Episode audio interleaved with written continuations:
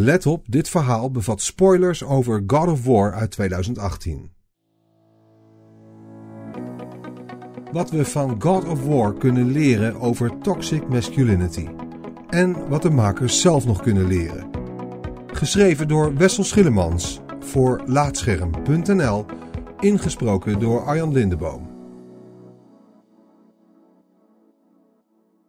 De God of War reeks was altijd een perfect voorbeeld van het hypermasculine soort spel dat de ongezonde notie van mannelijkheid in stand houdt. Met de komst van het nieuwste deel in 2018 kwam daar verandering in.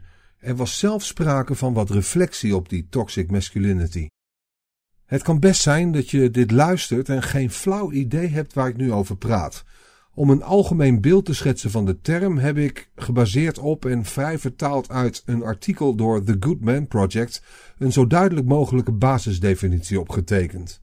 Toxic masculinity draait niet om mannelijkheid of man zijn als sekse, maar om het culturele ideaal van mannelijkheid. Het draait om mannelijkheid als gender en de sociale verwachtingen die hierbij komen kijken. Het soort mannelijkheid waar kracht alles is en emoties een zwakte waar seks en beestachtigheid de maatstaven zijn waarmee we meten hoe mannelijk mannen zijn. Dit terwijl het bezitten van vermeende vrouwelijke trekken, die kunnen variëren van emotionele kwetsbaarheid tot niet hyperseksueel zijn, de middelen zijn waardoor je status als man kan worden weggenomen. Voor de volledigheid, ik zie deze praktijken niet alleen in de woorden en daden van anderen. Als iemand die zichzelf als man identificeert, vind ik het belangrijk de toxic masculinity in mezelf te herkennen, hiervan te leren en er een beter mens door te worden. Ook ik zeg wel eens dingen waarvan ik pas later herken hoe giftig ze zijn. Soms moet ik er, tot mijn grote spijt, eerst op gewezen worden door anderen. Sinds ik me hier nadrukkelijker mee bezighoud, zie ik de bewuste en onbewuste bespreking van toxic masculinity op veel plekken terug. Zo ook tijdens het spelen van God of War. Wie ook maar één blik werpt op het lijf van Kratos en luistert naar zijn stem, merkt meteen hoe hypermasculine dit personage nog steeds is in zijn voorkomen. Je zou kunnen stellen dat het in stand houden van deze overdrijving onbedoeld werkt als stijlfiguur, omdat het nogal in contrast staat met zijn veranderende persoonlijkheid. God of War doet gelukkig een hoop dingen beter dan vorige delen. Dat is aan zich pure winst. Een goed voorbeeld is dat er voor het eerst in de hoofdreeks geen seksscène in de game zit. Geilen op een stel pixels dat alleen voor heteromannen gemaakt en bedoeld is, dat hebben we inmiddels al veel te vaak gezien. Een veel belangrijkere verandering is dat het bruut in de ronde slaan wat meer context heeft gekregen. Kratos gaat niet meer alleen op pad, maar wordt vrijwel continu vergezeld door zijn zoon Atreus. Hun relatie is een verhaalmechanisme dat meer diepgang geeft aan Kratos, die nu meer emoties voelt dan enkel woede. God of War begint na het overlijden van Kratos' vrouw en Atreus' moeder, Faye. De missie van Kratos en Atreus is om haar laatste wens werkelijkheid te maken: het verspreiden van haar as over de wereld vanaf de highest peak of the Nine Realms. Dit gaat uiteraard niet vanzelf. Vader en zoon moeten veel uitdagingen aangaan en overleven om hun doel te bereiken. Genoeg tijd om hun band te versterken dus. Dat is ook wel nodig, want al gauw wordt duidelijk dat Atreus vooral een goede en gezonde band had met zijn moeder en niet met zijn vader. Kratos beleefde als Spartaanse jongen een jeugd waarin toxic masculinity zo'n beetje centraal stond in de opvoeding. Om leren gaan met emotionele kwetsbaarheid, vergeet het maar. Emotie tonen is een zwakte, kracht is alles. Tekenend voor de complexiteit die dit qua opvoeding met zich meebrengt, zijn de momenten waar Kratos van binnen in tweeën wordt verscheurd. Enerzijds is hij niet anders gewend dan dat opvoeden gebeurt met de harde hand, anderzijds wil hij in de opvoeding meer zijn als vee. Op sommige momenten, bijvoorbeeld wanneer hij weer eens te streng optrad tegen zijn zoon, zie je hem, terwijl Atreus niet kijkt, een hand uitsteken om hem een eye over de bol te geven. Kratos kiest ervoor om het toch maar niet te doen en gaat weer over op de orde van de dag. Ogen op de route, focus op de missie. Zijn relatie tot Atreus is zorgzaam op een manier die lang niet altijd vanzelf gaat, maar waarin hij zich wel degelijk wat ontwikkelt. Kortom, de vader-zoon-relatie is bij uitstek het middel waarmee ontwikkelaar Santa Monica Studio wil laten zien dat er bij een bruut personage als Kratos wel degelijk sprake kan zijn van character development op een manier die niet alleen maar naar of giftig is.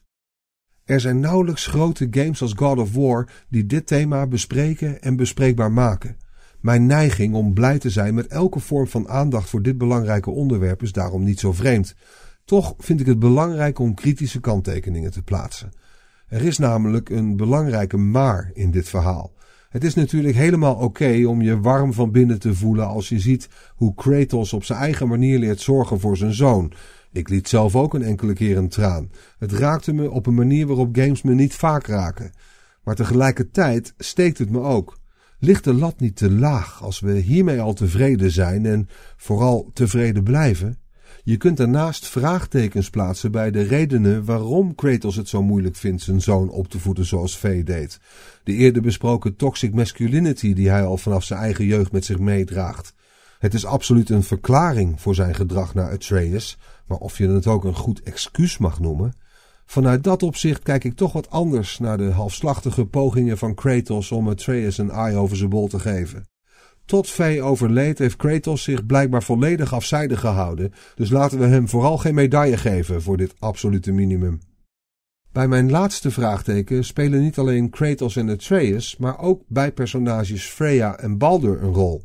In het kort, Baldur is de grote bad guy van de game en Freya blijkt zijn moeder te zijn.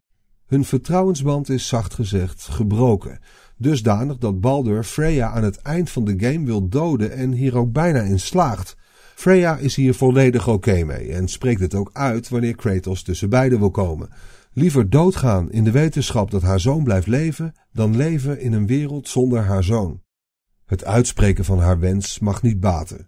Kratos is eigenwijs en denkt een groter recht te hebben dan Freya wanneer het op haar leven aankomt. Hij grijpt tegen haar wil in en vermoordt Baldur. Freya verliest logischerwijs haar kalmte en verklaart Kratos de oorlog. De vraag die bij me opkomt is simpel. Hoeveel heeft Kratos nu werkelijk geleerd tijdens zijn reis?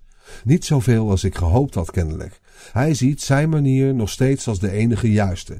Zijn visie is de enige die telt. De oude weg van de Griekse goden is, als het erop aankomt, nog steeds zijn norm. Een norm doorspekt met toxic masculinity, waarin mannen nooit luisteren naar de vrouwen die ze zeggen te aanbidden en die vrouwen enkele vehikel zijn om zogenaamd verantwoord oorlogje te mogen spelen. Het zou natuurlijk kunnen dat het einde van deze God of War pas de eerste stap is in de karakterontwikkeling die Kratos doormaakt in de nieuwe reeks. Ik hoop echt dat Kratos leert van zijn fouten, berouw toont en dat voor Atreus geen soortgelijke toekomst is weggelegd. Bovendien zijn er al veel dingen die de laatste God of War beter doet dan vorige delen. Ik erken dit met alle liefde en speelde de game dan ook met alle plezier. Maar wederom, het is belangrijk om kritisch te blijven kijken naar hoe bepaalde zaken in de toekomst nog beter kunnen. Alle entertainmentmerken met een bereik als dat van God of War, waartoe een hoop jonge mannen behoren, hebben die verantwoordelijkheid. Santa Monica Studios heeft laten zien die op zich te willen nemen.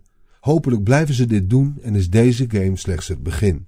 Nu is het tijd om door te pakken, nog meer te leren en iedereen weg te blazen met de onvermijdelijke sequel. En nu is de tijd voor andere ontwikkelaars om hetzelfde te doen.